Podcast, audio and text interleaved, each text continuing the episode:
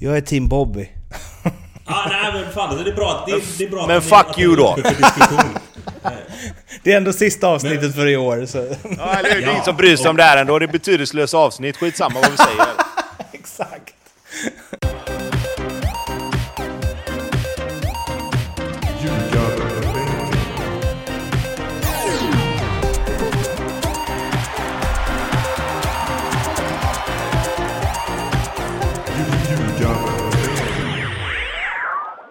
Det här är Ljugarbänken i samarbete med NordicBet och det är det sista, åtminstone det ordinarie avsnittet för den här säsongen. För Allsvenskan har ju tagit slut. Och eh, vi ska alldeles strax eh, prata lite gott om Malmö FF. Men först, och det här ska ju vara någonstans, det här ska ju vara liksom Ljugarbänkens lilla pris. Brukar vi kalla det. Eh, det ska ju liksom vara eh, glamour kanske inte ska vara, men det ska vara klang och jubel och glatt och folk ska hyllas åt höger och vänster. Så jag tänker att vi stökar av det här ruggigt fort. Eh, men Bobby, guys, Mhm. vad fan? Ja. Var det inte klang och jubel du pratade om precis Jo. Alltså, ja, klang och jubel och så nämner du guys. Ja. Det är andra änden på linan. Ja. Nej, men så här, det, eh, eh, ja, för, för att gå in på det då. Det måste vi städa av. Så eh, det kändes som om eh, den här tiden skulle komma. Eh, och det har känts så en, en längre stund. Eh, tyvärr. Eh, Gais har ju harvat i eh, den undre halvan i Superettan i... Ja, vi kan dra de fyra, fem senaste åren.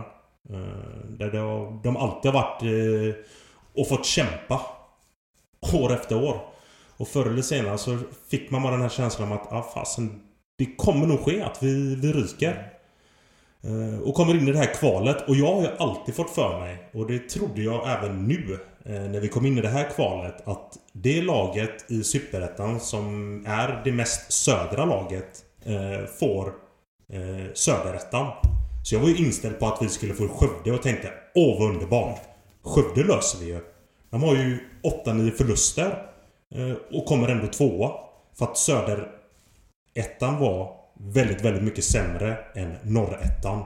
Där eh, BP går och springer igenom den. Och eh, Dalkurd tar liksom 64 poäng som tvåa.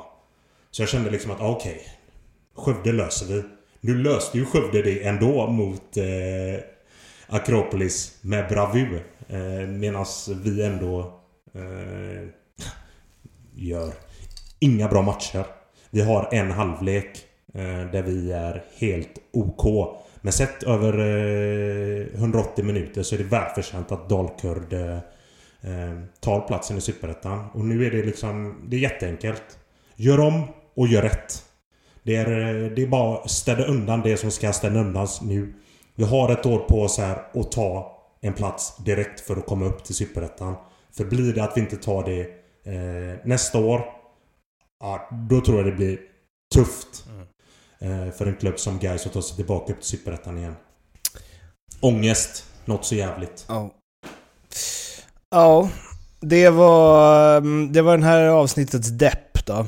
Så nu eh, tänker vi inte mer på guys närmsta timmen i alla fall. Utan vi blickar framåt istället. Malmö FF. Eh, ditt favoritlag Tobbe, vad känner du när guldet är klart? Ja, eller hur? Ehm, Nej, det var väl det laget som eh, någonstans ändå höll ihop det bäst, tänkte jag säga. Och det tycker jag ändå inte att de gjorde riktigt. Med tanke på att de... Eh, ah, vad vann de på till slut? 58 poäng eller? Det måste ju vara... 59 va? Jag tror 59. både de och AIK fick 59. Just det, just det. 59 blev det. Eh, nu kan jag inte detta på rak arm, men har det någonsin varit så lågt sen de bytte till 30 matcher eller? Eh, har det inte alltid ja. krävts över 60 poäng? För att vinna? Det är väl känslan. Alltså, men det- som sagt, jag ska inte svära på det, men, men någonstans så är det väl ganska typiskt för den här säsongen att Malmö inte vinner sin sista match hemma. Utan att de kryssar till sig ett, ett SM-guld, och det tror jag de skiter fullständigt i i och för sig, men det är väl lite talande för att alla lagen här i, i toppen lite grann springer och tappar poäng, eller sprang och tappar poäng lite hit och dit, överallt, känns som. Så att, eh, men grattis till Malmö. De, de vann ändå till slut och, och gjorde det som alla förväntade sig. Eh, om än med lite mer större möda än vad, än vad man kanske tänkte. Så att, eh, och, och, en vinst i en vinst i en vinst, så att det är väl inget att snacka om. Mm. Vill du tillägga något Bobby?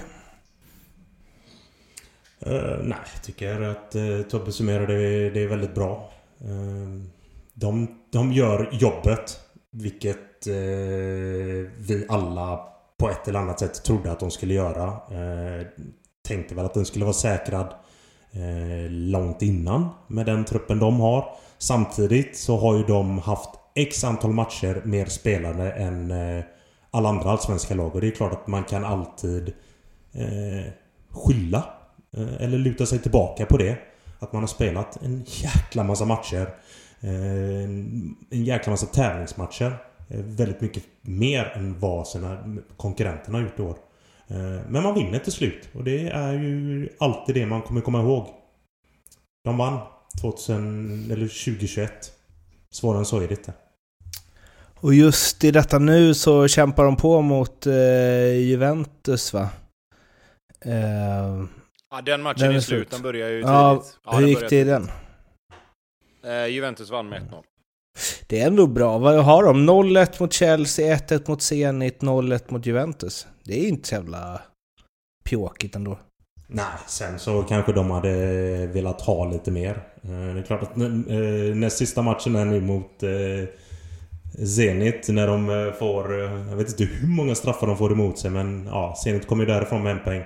Det hade väl ändå med den vinsten där Om de nu hade vunnit mot Zenit Kanske blivit något kämpande om, om tredjeplatsen men ah, Vad fasen med den gruppen de fick så, så kändes det redan på förhand att det, det kändes nattsvart Men goda matcher för eh, killarna att spela Eh, vi ska inte orda så mycket mer om Malmös eh, SM-guld. Det mesta som har sagts där, eh, eller som bör sägas där, har väl sagts. Istället så är det ju som sagt ljugarbänkens lilla pris. Ni har fått i uppgift att ta ut varsin eh, drömelva från säsongen. Eh, och i den då så kommer det ju finnas den som ni utsedd till årets eh, målis, årets försvarare, årets mittfältare, årets anfallare, årets tränare, coachar förstås det här laget och så finns det ju en MVP. Och sen en flipp på spelare och en flipp på lag och en flopp på spelare och en flopp på lag. Eh, och jag tänker väl att vi tar MVPn sist så att vi inte avslutar det blir liksom så jävla eh, konstig inramning om vi börjar med guys och avslutar med en flopp i det som ska vara ett, eh, ett, någon form av hyllningsavsnitt. Vem känner sig manad att uh, gå först ut? Ni får ju först uh, deklarera vad det, vad det är för formationer ni valt. Ja, jag kan väl börja då. Det är väl inga konstigheter. Eh, jag har valt en... Eh, den klassiska nya formationen som många lag kör. Det här är 3-5-2 eller... Ja, 3-5-1-2. Mm. 3-4-3, jag vet Vi kör 3-5-1-2 har jag extra, aldrig sett Det är en extra spelare. Det är... 3, 4, fan, det är en sjuk formation om man lyckas pilla in en extra gubbe där. 3-4-3 kanske... Kan... Nej, vi kör det här. Det här är är det 3-5? 1-2. Det kanske Guys borde testa. ja! 3-5-2. Ja. Så är det. Ja, vem... Ja, då, då, blir ju liksom den första du nämner där blir ju... Men jag får inte säga eller? Ja, jag tänkte att du skulle göra det när du liksom... Men absolut, du kan ta det nu. Säg, vad har du? Okej, okay, ja, Nej, tack. men säg, vad... Uh, jag, jag kör 4-3-5. 1-2. ja, Nej, jag har, eh, jag har en variant på 4-3-3 kan ja. man säga. Eh, så kan jag ta den varianten när de positionerna Finns det något, hur har ni tänkt? Är det liksom, är det bara de bästa spelarna? Ska det funka ihop? Eh, olika roller? Eller nej? Mm, alltså jag har, jag har faktiskt mer tänkt utifrån positioner. Inte lika mycket på om de här tre spelarna till exempel på mitten kan spela ihop och om det skulle funka, utan mer att de här tre vill jag ha med i laget för att de har varit bra. Eh, och så har jag fått skarva lite på vissa positioner för att få med liksom, de spelarna jag vill ha. Classic. Men jag kommer förklara det Okej. sen också. Ja. Eh, så att eh, det, finns, eh, det finns ändå lite tanke med det. Bobby, du? Hur, hur har du... Ja, nej, alltså jag... eh, Så här, det... Det finns inget rätt eller fel här tänkte jag när jag plockar ut mina spelare. Det är så här, det, det, jag har en sån obalans i mitt lag så jag bara känner så här att det ser sexigt ut. Men jag, och med våran, min tränare som jag har då, som jag inte ska nämna nu, men min tränare som skulle ha det här laget. Så känns det som om vi skulle kunna göra underverk. Gött. Ta Allsvenskan tidigt. Nice. Men den är duktigt obalanserad. Det ska sägas. Eh, Men ja, vill du börja då Bobby? Det som ju blir liksom sista utposten och då i dina ögon årets eh, målvakt i Allsvenskan. Ja, ja men... Och en... En, ja, en outsider tänkte jag säga. Det, det är det ju inte. Men jag har valt eh, Carl-Johan Eriksson. Mjällbys målvakt. Eh, och jag säger 13 nollor. Det säger väldigt mycket. Om honom som keeper. Och jag känner själv att det här är den gubben jag vill ha i, i kassen. Även om det finns lite tyngre namn i Allsvenskan så... Ja men jag tycker eh, Carl-Johan han ska ha den. Fått en, eh, en landskamp på det nu här nu under eh, hösten med Finland. Eh, Så att eh, Carl-Johan Eriksson, Mjällby. Min keeper. Tobbe? Det är lite som, Jag det är lite som rim på julklapparna känner jag. Eller inte rim, men det är liksom... Jag gillar motiveringarna. Ja, nej men jag, jag fyller väl bara på. Eh, de 13 nollorna har han dessutom hållit på 20 matcher. Eh, eftersom eh, Brolin stod ganska mycket i början så fick han ju inte heller göra en hel säsong och att hålla 13 nollor på 20 matcher är helt fantastiskt. Eh, så att, eh, I Mjällby. Nu, ja, i vilket jäkla lag som Ja. helst egentligen. Eh, och nu, nu litar jag på att du har rätt där med 13 nollor Bobby. Men för mig var det såklart ändå. Eh, han är väl... Eh, ja.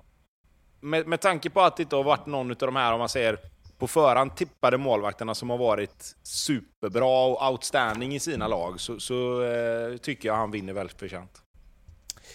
Så har vi på försvaret då, och då får du ta den eh, första försvararen Tobbe. Ja, då väljer jag att gå från vänster i mitt lag då. Eh, man brukar ju gå från höger, men jag går från vänster och där har jag Otieno i AIK. Eh, tycker han har tagit kliv hela säsongen. Var en spännande spelare när, när säsongen började, men man tänkte väl ändå någonstans att Erik Karl skulle ha den platsen när han kom tillbaka från sin skada. Men sen så vart det ju att Otieno visade att han var så pass bra som han ändå var och sen eh, ja, kunde de ju sälja Karl till och med. Så att eh, Otieno har varit grym, både bakåt och framåt tycker jag. Bobby? Ja, jag har ju tre centrala innebackar. Det är ju så jag har slängt upp det. I mitt 3-5-4 eller vad fasen jag nu sa. Men. Ska vi ta från vänster då? Ja, kör från Eh, vänster. I min, I min trebackslinje så har jag ju eh, Milosevic. Och det finns väl inte så mycket att säga om, om den grabben egentligen. Landslagsspelare. Alltid bra. Alltid väldigt, väldigt bra. Gör eh, väldigt sällan dåliga matcher och i ett eh, AIK som var med och slog som gullet in i sista matchen så gör han det han alltid gör. Stänger igen. Så mm, Milosevic, min, eh, en av mina tre mittbackar. Tobbe? Ja men då, då fyller jag väl bara i att jag har eh, Milosevic bredvid Otieno i försvaret också. Så att, eh, och då är det väl bara att använda Bobbys motivering egentligen. Behöver inte säga så mycket mer än så. Det som man kan lägga till eh, är väl också att han har varit vass framåt i år. Mm. Tycker jag. Så att, eh, ja. Vem har du bredvid honom då? Där har jag Hjalmar Ekdal. Mm. Eh, tycker han har varit eh, klippan i Djurgården där som, som vi pratade om att de behövde när, när Danielsson och Erik Berg i, i perioder har försvunnit. Liksom. Först var det Danielsson vi, vi undrade hur de skulle ersätta och, och sen skulle ju då Erik Berg komma in och så gjorde han aldrig det och så kom Ekdal in. Eh, vi pratade ju om att det kanske skulle bli Une Larsson som blev den där klippan då bredvid Ekdal och det blev egentligen tvärtom. Så att eh, jag har Hjalmar Ekdal från Djurgården, också lite med motiveringen med, som med Milosevic där, att han är bra, bra vapen på offensiva fasta också dessutom. Vilket jag tycker ändå spelar in eh, när, man, när man ska titta på saker. Och din, eh, din nästa centrala Bobby? Ja, det är min centrala mittback då. Mm. Där är ju eh, Tobbes, Hjalmar Ekdal. Mm. Eh, kanske den bästa backen i år. Eh, överlag. Eh, fick göra lite mål här nu på under hösten här. Eh, som gjorde att han blev ett väldigt, väldigt starkt vapen även offensivt. Men alltså Hammarby. När vi liksom så här fram och tillbaka har suttit nu och snackat om eh, deras instabilitet bakåt. Eh, och de bara på ett eller annat sätt skeppar iväg honom här nu inför den här säsongen. När man såg även redan förra året i Sirius att den här grabben sitter på någonting speciellt. Eh, så att... Eh, oh, all cred till Djurgården som lyckas plocka fram det där. Och det är så här, återigen, alltså, Une får ju inte den credden han ska ha med tanke på att hans kollega bredvid alltid outshinar honom. Eh, men det säger också väldigt mycket till, eh, till Une Larsson. Eh, som är också en helt fantastisk mittback och får alltid sin kollega att bli otroligt bra. Så att... Men återigen, det är inte han vi ser när vi tittar på det här Djurgården. Utan det är, det är Ekdal som tar showen. Du hade Som chansen centrala här. Mittback. Lyfta upp Une i rampljuset. Ja, men jag gillar det ändå för jag gillar honom som spelare. Och jag, det, det, är alltid så liksom att han bredvid sin kollega. Eh, när vi pratar om eh, när Erik spelade där och var liksom King som mittback, även som innermittfältare. Sen kommer Danielsson och i King Une är fortsatt otrolig spelare men han har sin kollega som outshinar honom. Och det är likadant här. Eh, så att Une gör ju sin kollega extremt jäkla bra. Det är så jag ser det. Eh, så att jag hoppas att Une får lite av den här eh, sign-onen som alla de här spelarna får nu när de drar ut. För att det är han som lyfter upp dem. Din sista försvarare Tobbe? Ja, här har jag ju hoppat fram och tillbaka kan man säga. Jag tycker ju inte... Jag tycker inte det finns någon som är så solklar som ska in där. Jag hade lite, lite tankar på Mohanad Yash, att man skulle flytta över Otieno till höger och spela Yash till vänster. Eh, men så vill jag ändå ha honom på, på sin position. Liksom. Och då blir det okej, okay, vem har varit bästa högerbacken i serien? Och där har det varit några som, som ändå har varit bra. Men jag, här blir det mer en, en personlig favorit. Eh, och jag har valt Johan Larsson i Elfsborg. Bra. Eh, jag tycker att han har bidragit med det som vi saknade lite grann i Elfsborg. Eh, just det här lite vinnarskalle, lite... Ja men, någon, någon liten eh, jäklar anamma och någon som kan ryta till och som man märker ute på plan liksom inte tar den här skiten. Och det, när det går lite tungt så finns han ändå alltid där. Och, och, liksom sådär. och sen vet jag ju hur bra han är som person och vilken, vilken gubbe det är i omklädningsrummet. Så att jag har faktiskt valt, jag, jag, valde mellan, eh, Linus Wahlqvist var med på ett hörn där också, men jag tycker Norrköping har varit lite för stabbiga bakåt. Eh, inte nödvändigtvis Linus Wahlqvists fel, men, men till slut så blir det ändå Johan Larsson som, som får min röst där. Bobby, din sista? Mm. Eh, ja men det är sjukt att jag stod här och hade lite så valet om kvalet Vem jag skulle ta med här. Men ja Det blev väl ändå ganska givet för mig sen att eh, Ahmed Hodzic är ju helt klart den mittbacken eh, Som ska vara inne i den här eh, eh trebackslinjen. Eh, jag stod och valde faktiskt sjukt nog mellan honom och Väisänen. För jag tycker att Väisänen har varit jäkligt vass i år för, för Elfsborg. Och eh, när han har varit borta, det är då Elfsborg har krackelerat. Eh, men sen... Jag stod och kikade, eller satt och kikade lite här nu när eh, Juventus eh, mot Malmö och första halvleken är Ahmed Hodzic riktigt bra. Och då blir det bara, ja men det är klart att den duden ska vara med i mitt lag. Så att, eh, nej. Jag fattar inte ens varför jag stod och valde mellan de här två. Ahmed Hodzic i min trebackslinje. nu kanske jag var lite, inte hängde med här, men ni har inte sagt vem, ni, vem som blir årets försvarare va? Nej. Nej, då får ni säga det nu. Kör du Bobby då. Ja men det har ju varit klang och jubel här nu när vi har gått in på Ekdal. Och eh, jag tycker att Ekdal har varit den bästa backen i år. Sett över 30 matcher när... Eh, Så tycker jag att... Eh, ja, jag tycker Ekdal. Han har varit eh, faktiskt riktigt jäkla bra. Så att där är, det är min back i år. Tobbe? Ja, jag eh, var inne på, på honom. Jag hade egentligen kunnat välja... Johan Larsson var väl kanske inte riktigt med i diskussionen för min del, men de andra tre var ju definitivt kandidater allihopa. Men jag valde faktiskt mm. Erik Otieno. Ja, eh, snyggt. Sen tycker jag att han, för, för att liksom för att få nästa lilla erkännande och, och, ta nästa steg så behöver han kanske producera lite mer framåt. Eh, men jag tycker att han har en kombination av att han är jävligt duktig liksom på att läsa av när han ska följa med framåt. Han orkar springa upp och ner hela matcherna. Han har ändå gått in och tagit en plats i AIKs försvar och gjort det är bättre egentligen än, än vad man kanske hade tänkt från början med tanke på att de har varit jäkligt stabila med Milosevic, eh, Sotte och Lustig visste man ju att de tre kommer ju inte vara några problem. Hur blir det på vänsterbacksplatsen? Kommer han att och liksom kunna spela det AIK-försvaret, eh, försvarsspelet som, som man alltid är van att se i AIK? Och svaret blev inga problem. Eh, och det tycker jag är jäkligt starkt att göra. Eh, jag tycker han har eh, varit jävligt bra helt enkelt. Eh, så därför så tycker jag att han förtjänar att få eh, den credden. Mm. Om vi hoppar upp på mittfältet då. Bobby, take it away. Ja, ja här kommer ju mitt eh, femmande mittfält och där har jag ju Otieno till vänster. Just på grund av att eh, ge honom en hel vänsterkant och han äger den. Både off och def. Eh, otrolig spelare. Jag var ju lite inne där så som, det, som Tobbe nämnde där när de... Jag tyckte de skeppade iväg eh, Karl lite för tidigt.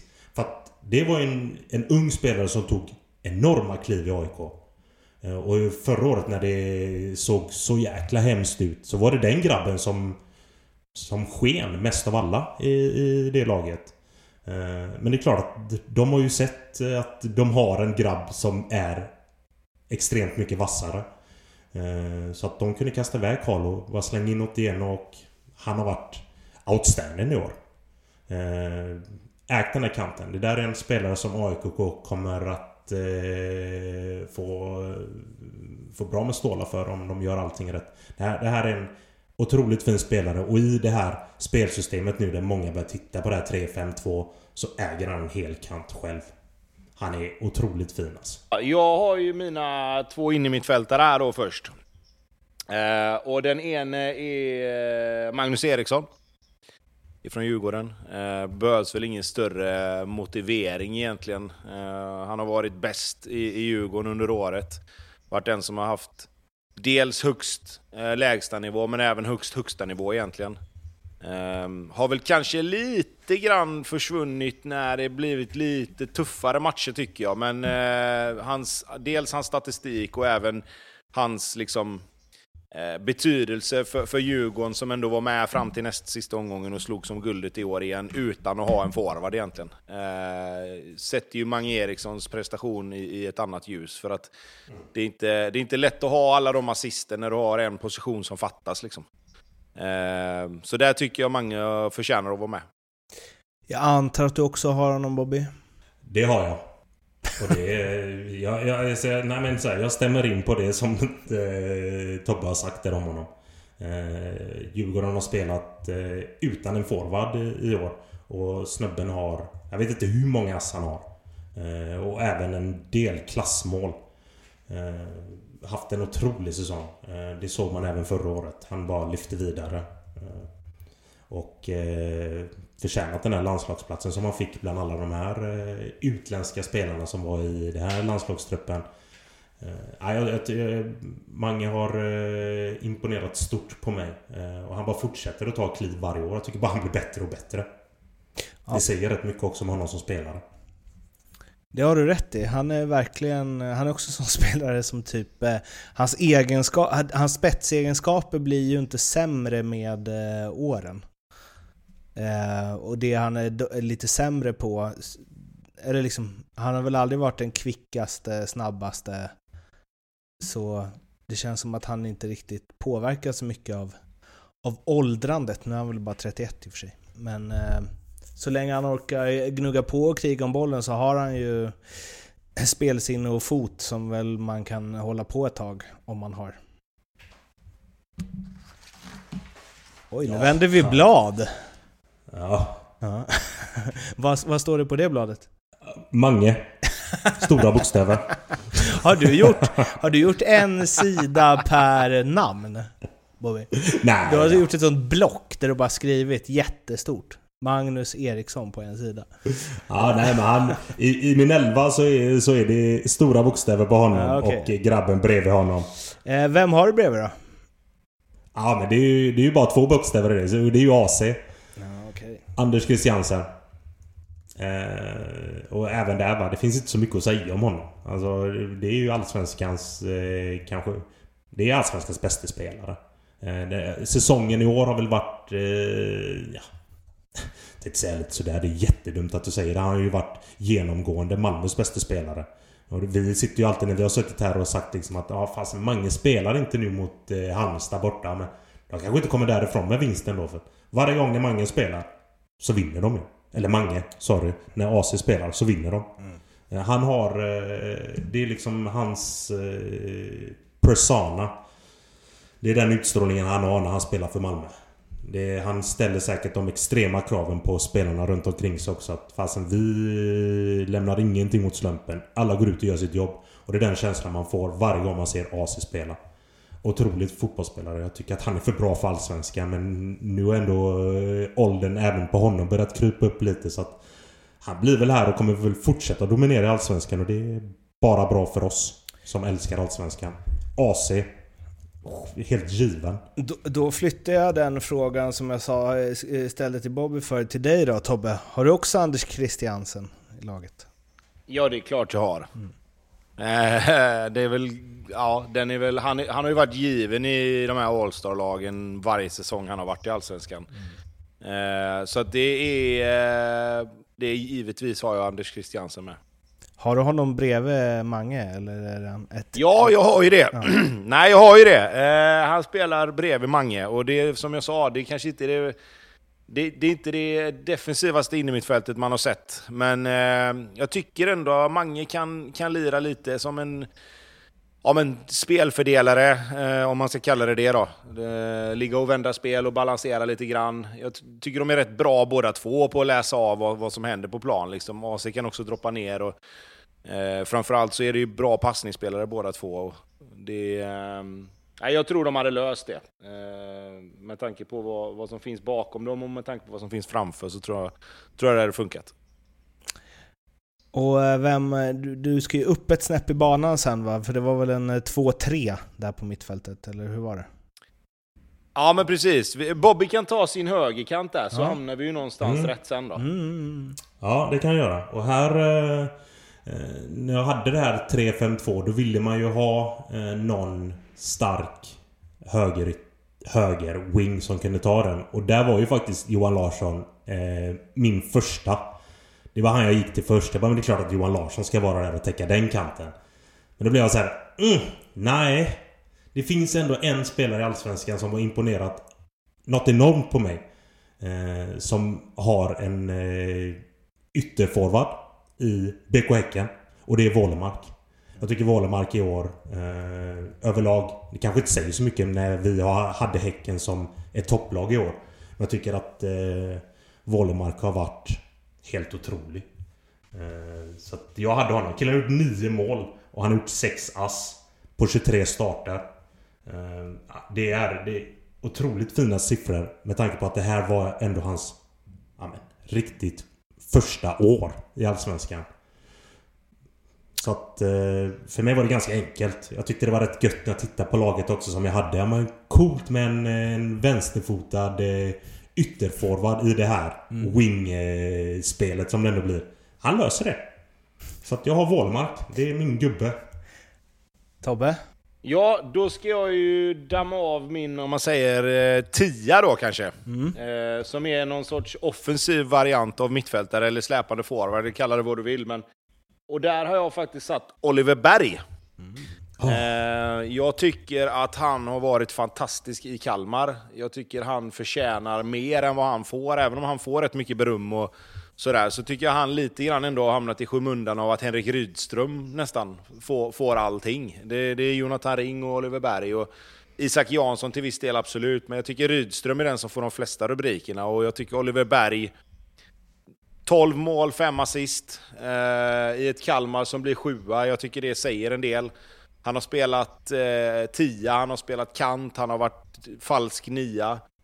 Eh, jag tycker han eh, är mångsidig och behärskar de flesta positionerna som, som handlar om att transportera boll och ta sig fram och vara länkspelare liksom i, i mellan linjerna. Så att jag sätter Oliver Berg som, som min nummer 10 i det här laget. Ja, alltså jag får gåshud. Missa det där. Vad sa du? Gåshud? ja, alltså Oliver Berg är en... Ja, fasen jäkla fin säsong. Bra spelare. Jag hade inte ens honom i åtanke och det stör mig lite. Nu när jag ska gå in på min tia. Nu är det för sent Bobby. Ja. Eh, Men eh, vad, vad har du då som din sista mittfältare? Jag har ju inte honom som en mittfältare egentligen. Jag har ändå honom som en släpande forward i det här 3-5-2. Jag spelar, det är 3-4-1-2 då, tänkte jag ju säga förut. Eh, och där har jag ju, alltså bakom mina forwards, eh, så har jag Stefanelli. Eh, en spelare, alltså... Otrolig säsong i, i AIK och han har, ju, han har ju också axlat den där rollen eh, även defensivt. Eh, liksom blivit inprintad där av eh, Bartosz och jobba hårt defensivt. Och tar jobbet. Samtidigt som eh, han har gjort 10 mål framåt. Jag, tycker Stefanelli har haft... Eh, man såg den inte. Och jag såg den inte efter, efter våren. Man såg jobbet han la ner men det fanns ännu inte den där slutprodukten i honom riktigt. Man bara... Alltså du lägger ner så mycket jobb gubben bakåt och du får dina lägen framåt men... Åh, kom igen nu! Och så nu på hösten så tycker jag bara att det har släppt. Jag tycker att han eh, har varit AIKs... Eh, en av AIKs bättre spelare i år. Eh, och kommer du tvåa så ska Stefanelli vara med när du gör över 10 mål. Stefanelli, min släpande forward i det här balanserade laget som vi har här nu. Ja, det var lite det jag tänkte. Verkligen. Han skulle hjälpa till lite defensivt. Ja, jag fattar. eh, Tobbe, någon av dina yttrar då? Ja, och här nu så kommer ju den här lilla twisten i mitt lag då. Eh, jag räknar ju med att eh, Otieno sköter vänsterkanten och att Johan Larsson sköter högerkanten. Så mina yttrar i det här fyra Väldigt centrala. 3-3, ja de blir mer anfallare. Eh, möjligtvis att de hade löst att spela inverterade yttrar. Eh, men jag kommer att ta till vänster har jag satt Viktor Edvardsen. Eh, 14 mål, 5 assist. Eh, spelat i Degerfors som varit bra. Eh, bättre egentligen än vad, än vad tabellen visar, känns det som. Men eh, att göra så mycket mål och, och, och så mycket poäng i, i, sin första säsong i Allsvenskan är, är bra gjort. Och eh, han passar dessutom i den rollen med att komma drivandes lite från vänster. Eh, så därför har jag satt Viktor Evardsen från Degerfors som vänsterforward då kan man säga. Då får du nästan eh, bränna den andra också då, till höger. Ska jag göra det direkt? Ja. Ja, där har jag satt eh, Sam Adegbenro eh, från Norrköping. Eh, givet att han skulle in i elvan och han fick spela på högersidan i anfallet för att kunna ha med eh, en spelare till. Eh, hade jag satt han i mitten så hade jag inte fått in en av dem som jag ville ha med. Eh, ah, skyttekung, eh, delad eh, poängliga-seger med Edvardsen var på 19. Eh, om inte jag har läst fel här. Eh, Allsvenskans kanske bästa avslutare i år. Eh, det finns väl de som, som vill ha det till, till någon annan, men jag tycker ändå... Han gör mål med vänster, höger, med huvudet. Han känns relativt komplett som, som spelare och kan därför också lösa att spela lite mer till höger i, ett anfalls, eh, i en anfallstrio. Bobby, din första av två anfallare? Ja, eh, och där har jag eh, Edvardsen som en av mina strikers. Mm. Och det är precis det som Sompe säger. Han gör 19 poäng när Degerfors gör 34 mål framåt. Det säger otroligt mycket om honom. Killen hade en stor käft redan innan han kom upp till Allsvenskan. Eh, och pratade väldigt mycket om att han skulle göra show. Och det tycker jag definitivt att han har gjort. Han har svarat upp för käften. Och då är det bara att salutera. Så att där är en av mina forwards. Och den andra? Ja. Sjukt. Att jag inte ens har med skytteligavinnaren. För det har jag inte. Okej. Okay. Nej. Jag har eh, Colak. Eh, jag tycker att Colak har eh, klivit fram i de viktiga och de stora matcherna. Och då har jag ju självklart eh, Champions League-matcherna i åtanke. Jag tycker Colak har varit... Han blev lite, lite trött på, på slutet av säsongen. Det såg man. Han har spelat extremt mycket matcher. Men jag tycker att Colak har det alla kvaliteter som en som powerforward av hans storlek ska ha i Allsvenskan. Han lär nog inte vara kvar i Allsvenskan. Det lär ju inte Adegbenro heller vara, men jag tror att Colak är... Han är den första som ryker när deras säsong är klar här.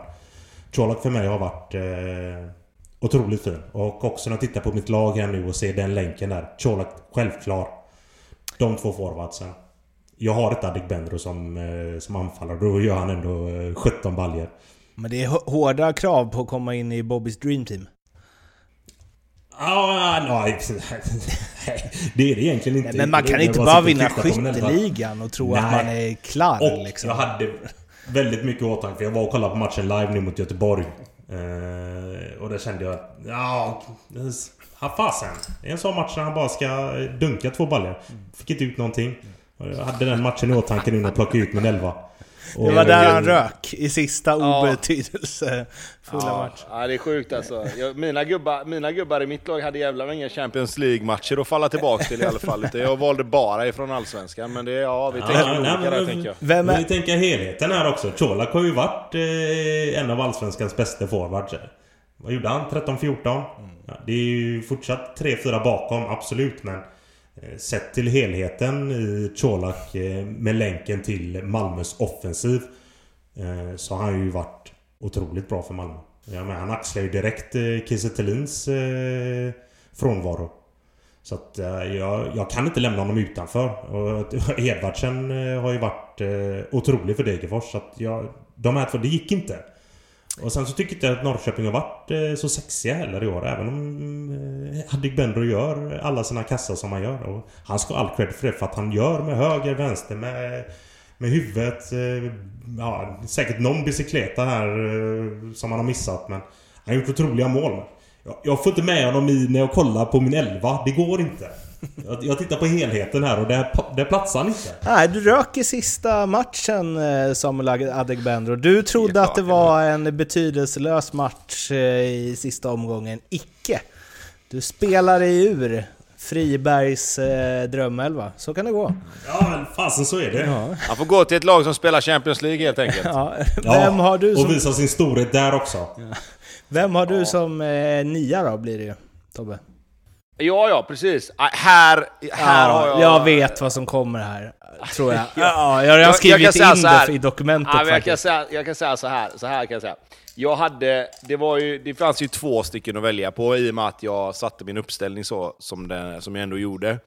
Eh, och det var ju Antonio Colak, eller så var det Marcus Berg. Och det blev Marcus Berg. Eh, det är klart att det blev. Någon, eh, någon jävla partiskhet får det vara. Hade jag tagit med Colak där så hade vi fått höra det här med Malmö i flera år framöver. Eh, nej men jag, jag, tycker så här, jag håller med Bobby i allt han sa, men jag tycker också att Colak, om man ska, om man ska titta, jag tyckte han var ju ruskigt bra första halvan av Allsvenskan. Jag tycker att i takt med att han gjorde de här bra matcherna i Champions League, att han mattades lite i Allsvenskan. Och med tanke på att podden handlar om Allsvenskan och inte Champions League, så har jag ju inte tagit med det i beräkning alls, att han var bra mot Rangers, Ludogorets, liksom alla de här matcherna. Eh, och därför så tycker jag att hans höst då lite grann, jag säger inte att han har varit dålig på något sätt, men, men jag, jag blir lite färgad givetvis då med, av att Marcus Berg kommer in och gör det så pass bra som han gör. Eh, han gör ändå fyra mål mindre eh, än vad Colak gör, men på åtta matcher mindre. Jag tror att hade Marcus Berg spelat hela säsongen så hade säsongen sett annorlunda ut. Dels för han själv, men även för Blåvitt. Eh, så därför har jag valt att sätta Marcus Berg som nia. Eh, baserat på lite grann hur det har sett ut på hösten här. Eh, sen, sen, var det tight, men, men jag, jag, jag, fick sätta på mig eh, de blåvita glasögonen där lite och, och välja lite med hjärtat också när, eh, när det ändå fanns en chans att göra det. Och nu blev det liksom en mischmasch här av eh, mittfältare och anfallare på alla möjliga olika positioner, så vi ja, vi hoppade ju över lite vem ni tycker har varit bäst av alla, men om vi börjar med årets mittfältare och Tobbe, du får börja. Ja, här är det ju svårt tycker jag. Eh, för att jag tycker ju att Anders Christiansen är den bästa spelaren egentligen. Men jag tycker väl också ändå att Magnus Eriksson har varit den bästa mittfältaren i år, om man tittar till helheten i, i serien. Eh, jag tycker han har betytt mer för, för Djurgården än vad Anders Christiansen har gjort för Malmö. Även om vi säger att Christiansen spelar inte så vinner inte Malmö. Jag, jag, jag tror ändå att de hade kunnat jag tror att de hade kunnat ta sitt SM-guld även utan Anders Christiansen med tanke på att de har så pass många bra spelare. Och där är väl lite grann där är väl lite grann Malmöspelarnas problem också, att det finns ju så många bra spelare att det är svårt att sticka ut. Eh, och därför så får de inte alla de här individuella priserna. Det är inte det att de inte är bra, utan det är ju att det, det finns så många spelare som är bra att, att ingen riktigt sticker ut på det sättet som Mange Eriksson till exempel gjorde nu i, i Djurgården. Då. Så att jag, jag får nog ändå ge min röst till, till Magnus Eriksson där. Bobby, din mittfältare? Mm. ja, alltså, min mittfältare är också Mange Eriksson. Mm. Är det. Och det är eh, alla de här lyriska orden som eh, Tobbe nu lyfte. Eh, grabben gjorde 30 matcher, spelade alla 90 minuter. Hade en otrolig betydelse för Djurgården.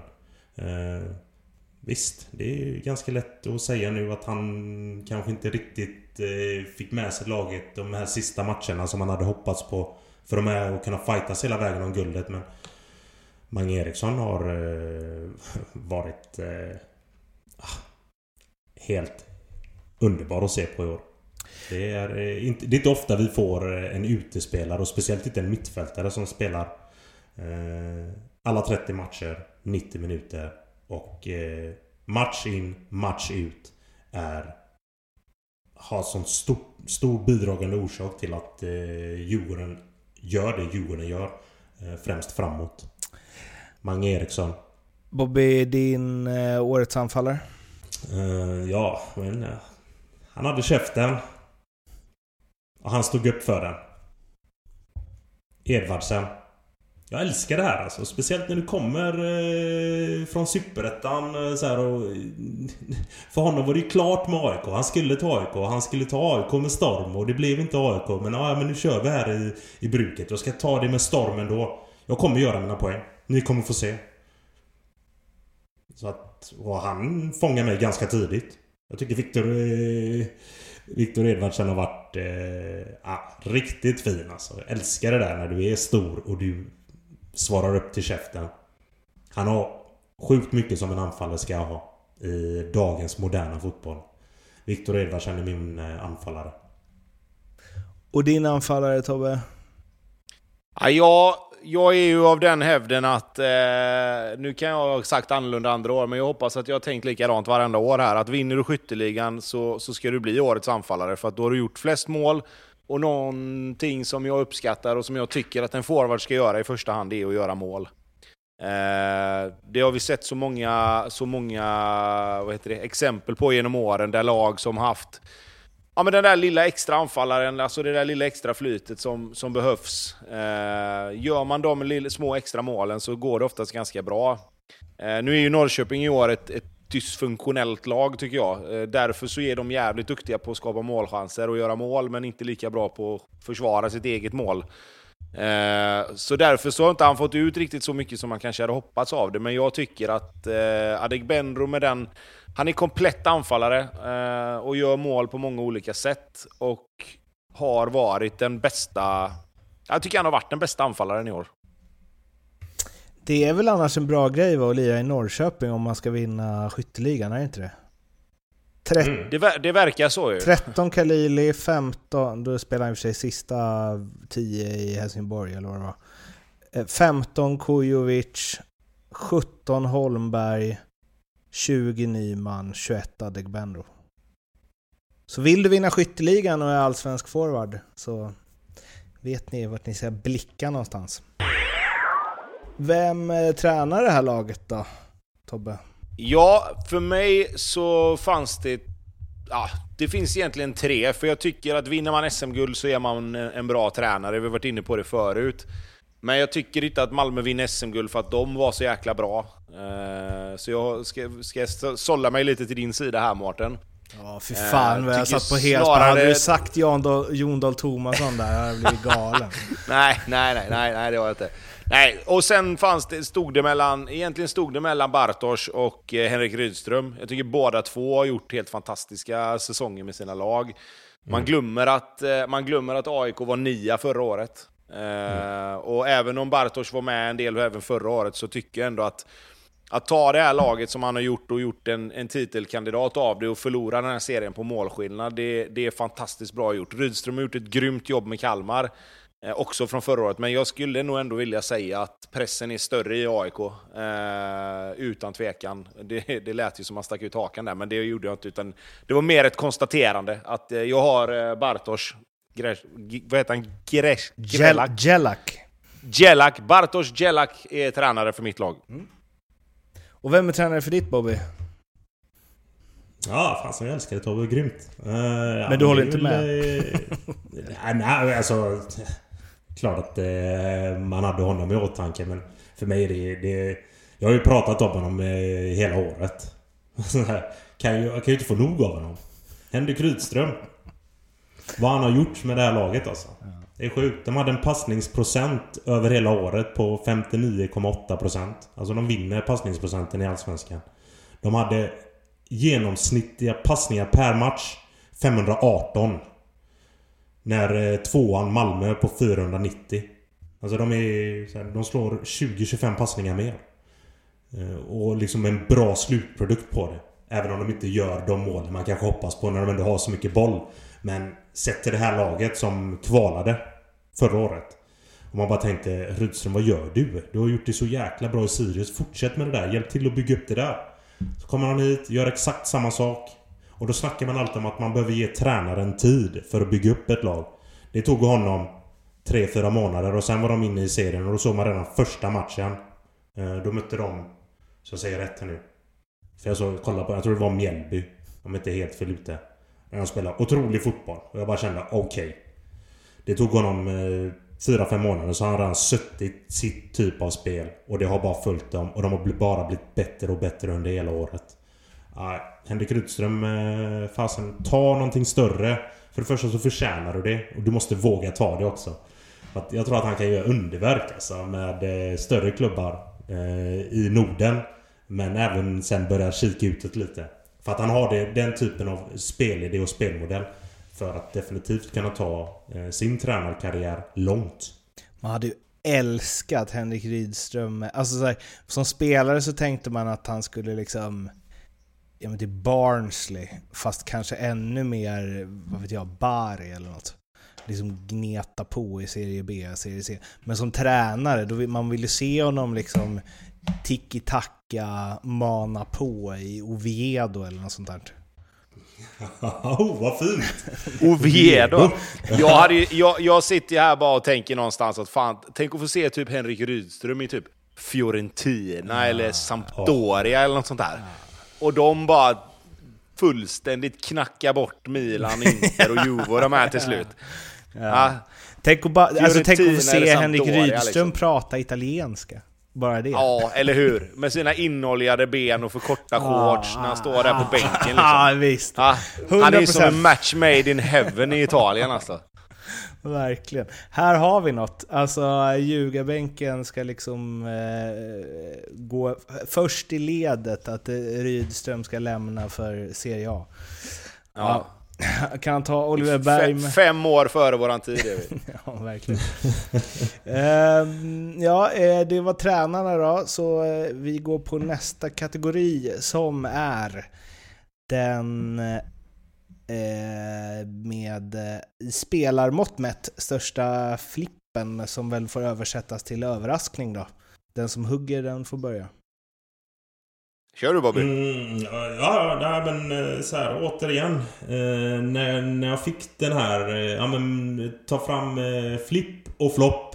Eh, så utgick jag ju från eh, ja, men folk som ändå tar mycket plats, är stora i käften. Eh, en har sagt det han skulle göra. Den andra har inte gjort det. Så att min flipp och flopp är det är två forwards. Där min eh, flipp... Jag hade två stycken när jag stod och bollade mellan. Och det var Wålemark och det är Edvardsen. Men nu har jag ju hyllat Edvardsen eh, så jäkla mycket i år. Och jag tycker att han har tagit... Eh, ja men han har verkligen varit den här överraskningen. Och med tanke på att han var stor i käften så blev jag lite så här. Mm, Fasen gubben, du sätter ribban högt. Men han har löst det. Så att, äh, åter, det är mycket Edvardsen nu känner jag. Kanske borde tagit Vålomarken med tanke på vad han har gjort. Men nej, fasen. Jag, när jag gick in i det här med flipp och flopp så byggde jag på stora käftar. Eh, två forwards som tar mycket plats. Den ena löste det, den andra gjorde det inte. Min flipp är en spelare som jag tänker Eh, om jag hade sagt innan säsongen att han skulle göra 12 mål så hade jag nog skrattat åt dem som sa det. För att jag såg honom förra året i Blåvitt och då var han fullständig katastrof. Ja, bra. Eh, jag har valt Christian Kouakou som mm. eh, min flipp. För att, som jag sa, han har varit jäkligt bra i ett eh, ganska, helt okej okay och ganska bra Sirius stundtals. Men för mig, att ha sett honom i Blåvitt helt under isen och utan självförtroende, och från det gå till att göra 12 mål i Allsvenskan, eh, den såg inte jag komma överhuvudtaget. Eh, och jag är jätteglad för hans skull med tanke på allt han fick utstå när han var här, vad det verkar. Så att eh, min positiva överraskning, kalla det flipp eller, eller ja, raket eller vad ni vill, är Christian Kouakou. Snyggt. Snyggt. Ja, men eh, då gör vi så här. Vi kör eh, flopp. Eh, floppspelare. Ja, här är så, som alltid när det är... Du ska få komma till din eh, Bobby, men jag tänker att jag tar mm. lite mitt resonemang här. Som alltid så är det ju så jävla mycket lättare att hitta spelare som varit dåliga. Eh, som man trodde skulle vara bra. Eh, och det här är, här är, jag står och väljer mellan två stycken och jag, jag, kan inte riktigt bestämma mig, men det faller nog ändå ut så att jag väljer den här spelaren ändå. Jag, det gör mig ont att välja den här spelaren för att jag tycker inte nödvändigtvis att jag, förvä eller jag förväntade mig jag förväntade mig rätt mycket mer, men det blev också liksom ingenting. Eh, och jag har faktiskt valt Giloana Mad här. Eh, för att Nahir Besara gjorde ändå fyra mål och fyra assist. Och någonstans kom de två samtidigt till Örebro. De skulle komma in och bidra med energi och rutin och erfarenhet. Och de skulle, framförallt var vi ju inne på det när vi pratade om de två, att de måste bidra med kvalitet. Och jag tycker tyvärr inte att Hamad har gjort det. Eh, jag tycker inte han har varit godkänd för, för det som han ändå kan. Och jag tycker inte hans ålder är någon, något hinder egentligen heller. Han är, han är 31. Eh, han ska kunna komma in och göra det mycket, mycket bättre. Och då är ett Örebro som om möjligt nästan blev sämre eh, på hösten än vad, än vad de var på våren, även om det var svårt. Så, så får jag tyvärr svårt att hitta någon annan som, som har samma liksom, dignitet i, i, i att hans lag ändå till slut åker ur. Eh, så tyvärr, jag, jag gillar ju Gille, liksom. det är en bra kille och så, men jag, nej, jag, jag kan inte med gott samvete välja någon annan faktiskt. Uh, här igen då, en, en, en spelare som uh, är väl... Är och var väldigt stor i käften. Hade ett jäkligt bra uh, första år för honom i Allsvenskan. Där han tar Allsvenskan med storm. Gör det jäkligt bra. Säger själv efter säsongen att han ska vidare den klubben som han kommer gå till, även om eh, är det Allsvenskan så gör han lätt över 20 mål om han hamnar i en toppklubb. Eh, men han tar väl förmodligen steget ut i Europa och det var det alla vi trodde. Han gick till Hammarby och ursäkta, eh, men den käften har definitivt inte svarat upp till de förväntningarna som han satte på sig själv. Astrid Selmani. Nu gör ju han nio mål. Men det är bara för att han gör fyra mål i sista matchen som inte har någon betydelse alls. Och det är klart att han kanske flyger på den och det blir säkert och förhoppningsvis någonting annat nästa år men Eh, jag tycker inte att Astrid Selmani har varit den forwarden man har kunnat förvänta sig i ett, i ett Hammarby som gör mycket mål framåt. Han hade han har liksom... Hans målfrekvens inför den matchen ligger på 218 minuter. Och då har han liksom 3-4 skott per match på mål. Astrid Selmani hade en stor käft och jag älskar det. Alltså han tar mycket plats. Och jag var helt hundra på att han skulle göra 15-20 mål. Eh, men han gör det inte. Det är sista matchen där han lyckas eh, knipa åt sig eh, nio kassar men han gör fyra mål i den matchen. Innan det så hade han fem liksom. Så att jag, jag tycker inte att Hasse Selmani är... Det är jobbigt att säga att han har varit en flopp i Hammarby. Men... Har du en stor käftgubben och säger att du ska göra 15-20 mål i i ett topplag i Allsvenskan och du kommer till ett och du knappt gör fem inför sista matchen. Ja, då är du tyvärr i, i mina ögon en flopp. Så att Astrid Selmani. Fan, den, den är hård alltså. Den är ja, den är hård. det. Jag vet det. Jag, jag, alltså, så här, jag, jag tycker att Astrid Selmani i själva spelet är... Han gör jäkligt mycket. Jobbar, jobbar på som fan. Sliter. Sätter igång sina spelare och är på och äggar hela tiden. Eh, men han var jäkligt tydlig. Han sa det själv redan förra året. Får jag spela en toppklubb så gör jag lätt 20 mål. Nu hamnar du i en toppklubb gubben. Han är en av eh, Sveriges eh, liksom, större klubbar. Och han kommer inte upp i det. Vad menar du Tobbe? Att han, att han ändå varit bra Men, eller? Ja, vad fan alltså. Nu, jag, jag köper hela det resonemanget att han har gjort lite för lite mål. Men killen, gör, han, han slutar ändå allsvenskan på 9 mål och 7 assist. Alltså, han gör 16 poäng på 26 matcher. Eh, och kalla det för en flopp. Jag, jag, jag är ledsen, ja, jag håller lite med. Ja, nej, men det... vi snackar poängen nu Tobbe. Absolut, vi kan gå in och prata poängen. Eh, fast, men fast, jag tycker så här, fast jag tycker så här också. Han, han har ju liksom... Okej, okay, han har inte varit så bra som man kanske trodde att han skulle vara, men han har ju inte varit så jävla dålig att han ska vara en flopp, tycker inte jag. Men skitsamma, det är ju du, du, du, alltså, som här, bestämmer för fan. Ja, nej, jag säger inte... Jag, alltså, så här, han har inte svarat upp till det. Alltså det han själv satte när han väl gick till Hammarby. Han har inte svarat upp någonstans. Mm. Det är den här sista matchen som gör att han får ett helt okej poängsnitt. Men det har ju inte varit någonting speciellt innan. Han har gjort Nej, men jag, det jag menar bara är att... Det, nej, men det jag menar bara är att det finns ju många spelare som har varit sämre sett till vad man förväntar sig än vad han har ja, varit. Ja, absolut. Men så här, Ta in... Eh, försöka vet, sätta in Gille eller Besara som ändå kommer till en klubb som är långt under isen när de ska komma in med sin rutin och förhoppningsvis kunna vända på det. Mm. Men du kommer ändå till en klubb som har varit med och fightats nu i några år i toppen. Eh, och då ska du minst, minst, minst ligga på en eh, mellan 12 och 15 kassar. Jag måste och det säga, gör ju den andra kollegan till honom. Ja, jag håller fan med dig alltså för att någonstans så liksom med den succén som Ludvigsson hade i fjol Um, och Selmani som man tänkte att så här, du, han kan inte komma, ska han göra mycket mål kan han inte komma till en bättre omgivning. Uh, och hans, att han snackar, det är klart att det spelar in liksom. Jag älskar också att han snackar, men jag tänkte nog också att, eller jag trodde han skulle vinna skytteligan. Jag, var, jag hade honom, eller jag kanske inte hade honom som, eh, som skytteligasegrare, men jag hade honom lätt på en 14-16 kassar. Ja. Det hade jag lätt. Och det är det sista matchen där, jag, alltså visst, alltså alla mål, men han har gjort nio mål. Men i mina ögon har han gjort fem mål. Alltså, för vad, eller okej då, sex då. Men liksom, eh, för att det spelar ju ingen roll alls. Fast, fast vad, är, vad, är skillnaden på, vad är skillnaden på att göra fyra mål i sista matchen kontra att göra fyra mål i en match mitt i säsongen? Det, är fortfarande, det blir fortfarande tre poäng, du får fortfarande samma. Alltså, så kan man ju inte heller tänka. Alltså, någonstans måste du ändå göra målen. Hade han, varit, hade han varit så dålig så hade han inte gjort fyra mål i sista matchen heller. Det gör du ju inte bara sådär. Jag, jag håller med om att jag håller med om Bobbys resonemang kring att han inte har, riktigt har levt upp till förväntningarna som han hade på honom. Men det jag menar är att det finns ju många spelare som har varit större floppar än vad han har varit. Det är mer det jag menar. Jag, så... jag tycker att det är skillnad. Eh, jo, det eller vadå? Hade de kunnat ta en Europaplats i sista? Om både Djurgården... Nej, det hade de inte. Nej, nej, nej. nej. Och då, det, då skulle jag säga att det... var ju en helt betydelselös Nej, exakt. Match, och det är ju skillnad. Det är ju skillnad att göra fyra mål i en eh, betydelselös match eller en match som betyder något. Jo, jo, jo, jo, det är klart att det är svårare kanske, men det är, fortfarande, det är ju fortfarande en allsvensk match. Liksom. Mm. De möter ju fortfarande Ja. Kalmar som har de här 60% boll. Det är liksom, visst att de inte försvarar sig bra, men det vet du ju inte innan ju.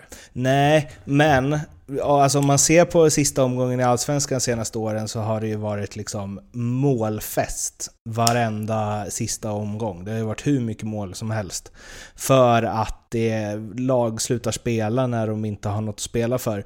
Och det, alltså hade de, hade de mött liksom MFF, absolut. Eller vad fan vet jag, vad, alltså Halmstad. Men att säga att det är samma sak att göra fyra mål mot Kalmar i en betydelselös match i sista omgången som att göra fyra baljor i omgång 17 mot Kalmar. Det, eller det, det håller jag inte alls med om.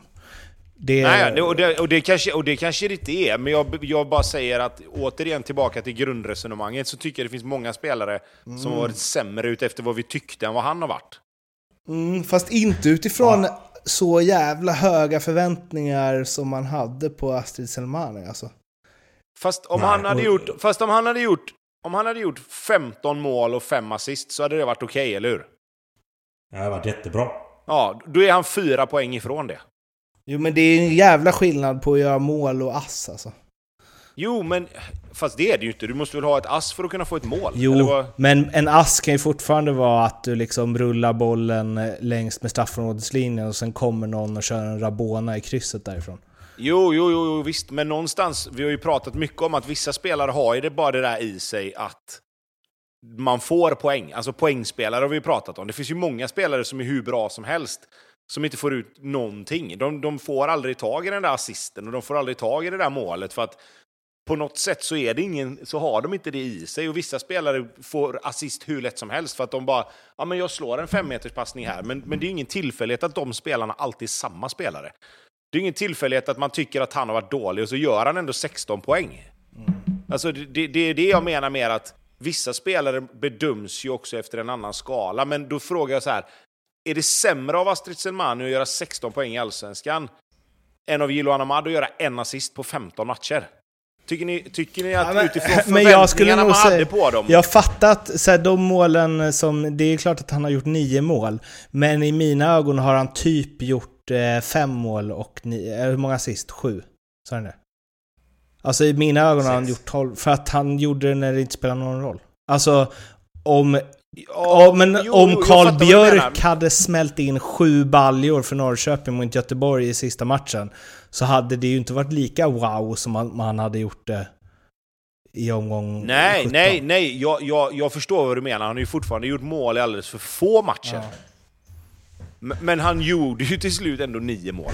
Alltså, och han gjorde ändå sina sju assist och han gjorde sina 16 pinnar. Sen att det kanske är 5-6 pinnar mindre än vad man hade förväntat sig, okej, fine. Det är inga, inga konstigheter. Jag, jag säger inte att Astrid Semani har varit så bra som man har trott, men, men jag tycker kalla honom för årets flopp håller jag inte med om alls. Jag är team Bobby. Ah, nej men fan, alltså, det är bra att... Det, det är bra Men fuck ni you då. Det är ändå sista avsnittet för i år, så... Ja, eller hur? Det är ingen som bryr sig om det här ändå. Det är betydelselöst avsnitt. Skitsamma vad vi säger. Exakt. Här kan du vara Jag- hur, jag- jag- hur bra som tycker, helst. Jag tycker bara så här, när du blir, när du blir outshine av din kollega, när du själv säger att du ska göra 15 kassar och så har du din kollega som spelar eh, wingback i x antal matcher eller ytterforward i x antal matcher och han gör ändå 11 baljor framåt. Mm. På det sättet så kräver jag jäkligt mycket mer av Astrid Selmani när han själv säger att han gör i en toppklubb 15-20 mål lätt. Jo men jag, inte jag säger inte, jag säger inte att, du, att man inte ska kräva mer. Jag säger bara att han inte är årets flopp. Ja. Att man kan kräva är- mer av he- det köper jag. jag. Men han är där och nosar. Han är där och nosar. Ja, det måste han vara ändå, även för dig Tobbe. Vi, kör. vi går vidare. Årets flopp... Ja, men eh, då- då- årets flopp... Ja, vad, vad sa du? Ja men då ska vi ändå ha det att jag hade käftarna i min flipp och flopp. Ja, det är De som verkligen... hade stora käfter och ändå löste upp det. Då har vi En året- gjorde det, en gjorde det inte. Årets flipplag då? Det är Tobbe, du har Bayern eller? Krossade i sista matchen. Nej, jag bara skojar. Nej, nej, jag har... Eh, nej, jag har årets flipplag, eh, tycker jag, utifrån... Ah, vad ska man säga? Utifrån för, också förväntningar då kanske. Eh, så, så jag stod och valde mellan Kalmar och Varberg, men jag tror ändå jag faller tillbaks på att, eh, att jag säger Varberg ändå. Alltså. Mm. Eh, för att jag tycker, med tanke på att de tappade världens bästa anfallare förra året då, som skulle göra 100 mål och 100 assist för att bli godkänd. eh, så att de lyckas ändå ta sig till den positionen de har i Allsvenskan. Och då tappar de ändå både Gustav Norlin, de tappar Astrid Selmani, och bara slussar in nya spelare som, som gör det som gör det minst, inte, inte lika bra, absolut inte, men, men ändå tillräckligt bra för att inte ens vara nära att åka ur till slut. Eh, och vi snackade om tränare förut, vi glömde ju nämna Jocke Persson egentligen, tycker jag. Eh, han hade väl också kunnat vara med i den diskussionen, men jag skulle nog säga ändå att med, med Kalmar så tänkte jag så här att de kan omöjligt vara lika dåliga som förra året. Eh, och, och, med Varberg tänkte jag nästan tvärtom, att det, det, finns inte en chans att de är lika bra som förra året. Eh, och de har ändå varit någorlunda likadana. Alltså, de har saknat Selmani givetvis, som gjorde mycket förra året, men de har, de har fått in andra spelare som har delat på den bördan. Så jag tycker Varberg är årets, årets eh, flipplag. Bobby? Mm, ja, fasen, jag... Även jag är där. Jag hade, jag, jag hade dem, eh, inte Kalmar, i min slash. Men jag hade AIK. Eh, och det är klart att så här, AIK, jo, men man kom ändå nia förra året och spelade faktiskt ganska dålig fotboll. Eh, lite justeringar, lite ändringar i år. Det är ingenting som säger att de ska vara med och fightas hela vägen om guldet. Eh, men det är de ändå. Eh, med i stort sett samma trupp. Så att jag... AIK, men det föll ändå över på Varberg ändå igen alltså. För att eh, så här, Första året i Allsvenskan, då går man bara på ren motivation. Det är så jäkla kul att spela Allsvenskan. Man trummar på. Andra året är alltid det året som är tuffast. Eh, man glömmer lätt det. Eh, det är ofta sådär också att eh, lag som kommer upp och det finns alltid någon spelare eller två som, som tar Allsvenskan med storm och sen så försvinner de till lite större klubbar. Eh, och de måste gå ut och leta igen och Varberg eh, drar ju och letar i de lite mindre divisionerna och ner i Afrika och hittar pärlor. Och bara fortsätter på, på, på samma tåg. Liksom så här, de var aldrig riktigt nära ändå. Det, det är klart att de var där och nosade inför eh, i omgång 26-27 men sen så tar de sina segrar och det känns aldrig riktigt hotat att de ska vara med in i, i kvalomgången inför sista matchen. Varberg, fantastiskt. Flopplag då? Här har ju jag en känsla av att ni båda kommer säga BK Häcken och gör ni det så har vi en diskussion. Tobbe? Ja, jag satt och dividerade här också för jag hade Häcken eller Örebro. Eh, och Örebro givetvis utifrån att de var bedrövliga eh, och tog 18 poäng. Vilket är ungefär 20 poäng mindre än vad man kanske tänkte att de skulle ta. Eh, give or take några, några poäng. Men sen så vände jag på det lite grann och så tänkte jag så här istället att okej, okay, om någon hade sagt till mig innan säsongen att vad hade du blivit mest överraskad över? Om Örebro åker ur eller om Häcken kommer tolva? Så hade jag nog ändå tänkt att fan, en dålig säsong för Örebro, lite skador och lite missflyt, så kan ju fan Örebro ändå åka ur. Så, så bra är ju inte de liksom. Men att Häcken skulle bli tolva, det hade jag nog fan inte tänkt. Hur dåliga och hur mycket skador de ändå hade haft. Så tänkte man väl att det fanns en grundkvalitet som hade tagit dem till övre halvan ändå. Så att ja, mitt val faller nog ändå på BK Häcken utifrån att de... Ja, men lite grann liksom för mig. Det, jag, jag, jag, kunde inte riktigt... Med tanke på att de har varit så pass ändå hyfsat stabila så, så tyckte inte jag att det här riktigt låg i, i pipen att de skulle kunna falla så djupt som de gjorde i år. Ja, tar han BK Häcken då är jag ju på eh, Örebro. Mm. 8-10. Säsong in, säsong ut. Är aldrig med där nere. Eh, och håller på och harvar. Eh, speciellt inte sett till det laget de har. En sån... Ja, det, är, det är så mycket underprestation av det här laget. De tar liksom 18 poäng. Är, man, blir, man blir mörkrädd. Jag vet att jag fick ju så jäkla mycket skit i början när jag liksom såhär men Bobby Allen det är ju en keeper som jag aldrig talas om. Han får en tvåa. Ja. Och det börjar ju få... Ja, men han är ju svingrym. Ja, visst är han det men... Det har man inte sett så mycket av. Ja, Eller? då har han väl ändå varit helt okej bästa va? Alltså, Ja, kanske varit deras bästa spelare då. Det får man ändå ge honom. Det säger ju inte så mycket. När han haft eh, de andra tio spelarna framför sig. Då får du steppa upp lite då gubben. Den andra keepern som stod innan. Nu hade inte han den bästa säsongen i Norrköping men när han väl var där. Jäklar vad han tog sitt ansvar då. för här, Eh, ja, nej, att Örebro är det, Att Örebro ryker ur Allsvenskan, det hade jag aldrig. Nej, men och det, det här må, jag måste säga att liksom, jag fattar resonemanget där Tobbe, för någonstans hade man ju, jag hade kunnat tänka mig att Örebro åker ur. Men, någonstans, alltså för om Häcken hade liksom, de är tre poäng från att ligga nia. Och då hade man ändå sagt sig, absolut dålig säsong. Men, well well. Alltså det är inte katastrof. Men att Örebro ligger 14 poäng från kvalplats med minus 35. Det hade, det hade ju ingen trott på inför säsongen. Om någon hade sagt det. De kommer 14 Det är poäng från, tre, från att komma på kvalplats. De är inte ens Ja. nära att liksom kriga sig till ett kval. Det är Det, ju det. Det, det skulle det jag säga är nästan samma skräll som att Häcken kommer 12 alltså.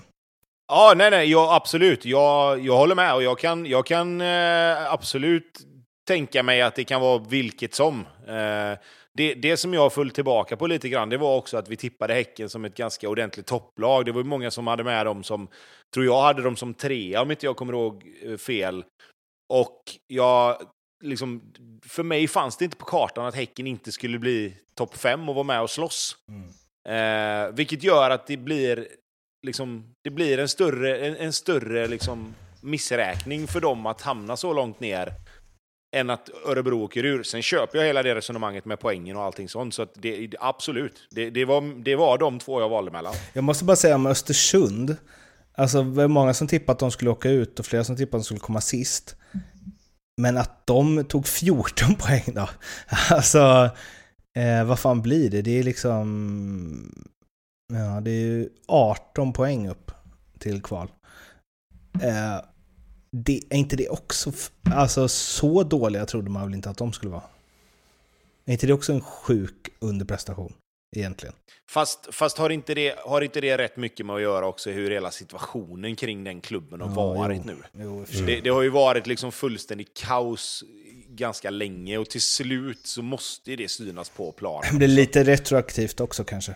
Alltså, Ja, men lite grann va. Alltså, jag, jag, nej, men sen, sen håller jag med dig till viss del, för jag, när jag tittar på Östersunds lag och tittar på spelarna så tycker jag ändå det finns, lite som Örebro, det finns ju ändå någonting där. Alltså, vissa spelare borde ha kunnat vara bättre och, och, och gjort det liksom bättre utifrån vad man, vad man till slut fick se. Men jag, jag tror att verkligheten hann ju ikapp dem också och till slut så orkar du liksom inte slåss för någonting som ingen annan bryr sig om. Alltså, det, det blir ju, till slut så skiter de väl i, i det själva. Alltså de förstår ju vart det bär hän och då tappar du den där lilla sista biten av motivation också tror jag, när du väl märker att det här kommer ju aldrig gå. Ehm, ja, Men du, en liten parentes här för att, för Ja. att, för att hjälpa er på traven. Eh, Nahir Besara kom ju in på sommaren, han gjorde fyra mål och fyra assist. Han vann den interna poängligan i Örebro på åtta poäng. Dennis Hymmet gjorde fem mål på de 15 matcherna han spelade innan han drog. Sen har du alltså inte en enda spelare i Örebro som har gjort fler än fyra poäng på hela säsongen. Det är fruktansvärt dåligt. Alltså. Fyra poäng! ja. ja, de kämpar på. Och nästa år blir det jävligt tufft i Superettan med tanke på att Daniel Kindberg är helt oskyldig och kan komma tillbaks och bygga upp Östersund också. Så Örebro får väl... Ja, vi har sagt det förr, säger det igen. Kämpa, närkingar. Eh, MVP. Och här tänker jag att jag räknar ner. 3, 2, 1. Och sen så säger ni samtidigt vem ni har som MVP i år. Är ni med på det? Mhm. Okej. Ja. 3, 2, 1. Viktor Ja, Edvardsen. Eriksson. Eh, Okej, Mange Eriksson för dig Tobbe och... Nej, Nej. Viktor Edvardsen för dig Tobbe och Mange Eriksson för Bobby. Eh, varför... Eh, du får börja Tobbe. Lite samma resonemang som, som jag hade med, eh, med Häcken och, och Örebro där. Att jag satt och tänkte liksom, hade Djurgården varit ett topplag utan Mange Eriksson? Antagligen inte, men de hade fortfarande varit ett ganska bra lag. De hade fått fördela poängen på lite andra spelare om han inte hade kunnat spela. Eh, hade Degerfors klarat sig kvar i Allsvenskan om Viktor Edvardsen inte hade varit där? Med tanke på hur dåliga Örebro och Östersund var, så kanske ändå. Eh, men jag tror ändå att Viktor Edvardsens 19 poäng, 14 mål, 5 assist, eh, hans spel i övrigt har ju, har ju gjort att Degerfors ändå är kvar i Allsvenskan, tycker jag. Eh, vilket gör att Viktor Edvardsen för mig är mer betydelsefull för Degerfors än vad Magnus Eriksson är för Djurgården. Eh, Djurgården har fler bra spelare. Och Degerfors har inte lika många. Så att eh, därför har jag valt Viktor Edvardsen. Tjoff! Bobby, varför Mange? Mm. Eh, nej, men då kan man väl bara egentligen bara vända på det där. Vi, vi vet inte eh, hur Djurgården är utan Mange Eriksson. För att Mange Eriksson har spelat alla 30 matcher, 90 minuter och har varit eh, helt outstanding. Eh, killen ser bättre ut än någonsin och han är liksom 31 bast. Jag eh, sa redan förra året att jag tyckte att han såg otroligt vass ut och det var svårt att toppa det. Men bara satte sig på mig och satte sig på AC. Det säger ju rätt mycket ändå. För att AC är ju alltid MVP. Mm. Eh, men jag hade inte ens eh, AC i mina tankar när jag gick igenom det här. Edvardsen var också där uppe och, och nosade lite men fasen jag tycker Mange Eriksson sett över hela säsongen. Eh, när Djurgården match in match ut är starka. Otroligt starka och det är alltid Mange Eriksson som är hänföraren i det där eh, starka lagbygget. Jag tycker Mange Eriksson är Allsvenskans bästa spelare. Det var det. Nu är det 1.20 fick vi ihop. Um, som vi spelar jinglarna tillräckligt länge, vi är uppe i 90 minuter på sista avsnittet. Eh, sen så blir det väl kanske inte riktigt sista avsnittet. Vi gjorde förra året, blickade vi framåt mot kommande säsong, tog en kik i spåkulan på var, var ett av lagen som ska spela Allsvenskan 2022 och det är planen att göra det eh, även nu, 7, 8, 9, 10 minuter per lag eh, som kommer förhoppningsvis släppas ut eh, innan jul för att ni för att väcka allsvenska suget till liv eh, sådär ett par veckor efter att serien avslutats. Eh, får, jag, får jag fråga en grej snabbt nu när vi ändå pratar om de avsnitten där? Ja, 100%. Kan, på, på uppstuds bara snabbt, nämn en grej som kommer bli eh, ögonbrynshöjande i Allsvenskan 2022. Oh. Uh, att, att domarna kommer vara bra. mm. Jag har den. Jag hoppas att domarna eh, steppar upp och är bra nästa år. Det tror jag och hoppas. Man kan inte vara så här dåliga nu i två, tre säsonger nu. Domarna måste steppa upp. Det kan vara ögonblicksfallande. Domarna. Bra. Martin? Kan det kanske vara så att... Eh att Hammarby blir ett mittenlag. Kanske. Oj. Men är det, är det en jätteöverraskning tycker du? Ja, det är inte det. Eller liksom så här. Vad vill du ha då? Blåvitt åker Nej, men Jag tycker mer du vet... Ja, men mer åt det hållet. Alltså, mm. du vet så här att det här var, var... Jag tyckte Bobbys var bra, för de har vi ju klagat på som fan ju. Så det hade varit jävligt kul och överraskande om domarna helt plötsligt gör en jävla bra säsong. Uh, Ja, Även men... om de får mer skit än vad de förtjänar. Liksom. Men, jag, men som min då, jag, jag, jag, säger så här, jag tror att det kommer bli ett av lagen som åker ur kommer vara sjukt otippat. Mm. Säger jag då. Mm, det... Utan att säga något lag, alltså, men jag tror att det kommer, jag tror att ett av lagen som åker ur förra året, kommer vara, eller nästa år, kommer vara sjukt otippat. Mm. Okej då, så här då. Seb Larsson tar eh, typ hälften av antal gula kort mot vad han tagit i år. Vad kom han upp i nu? 12.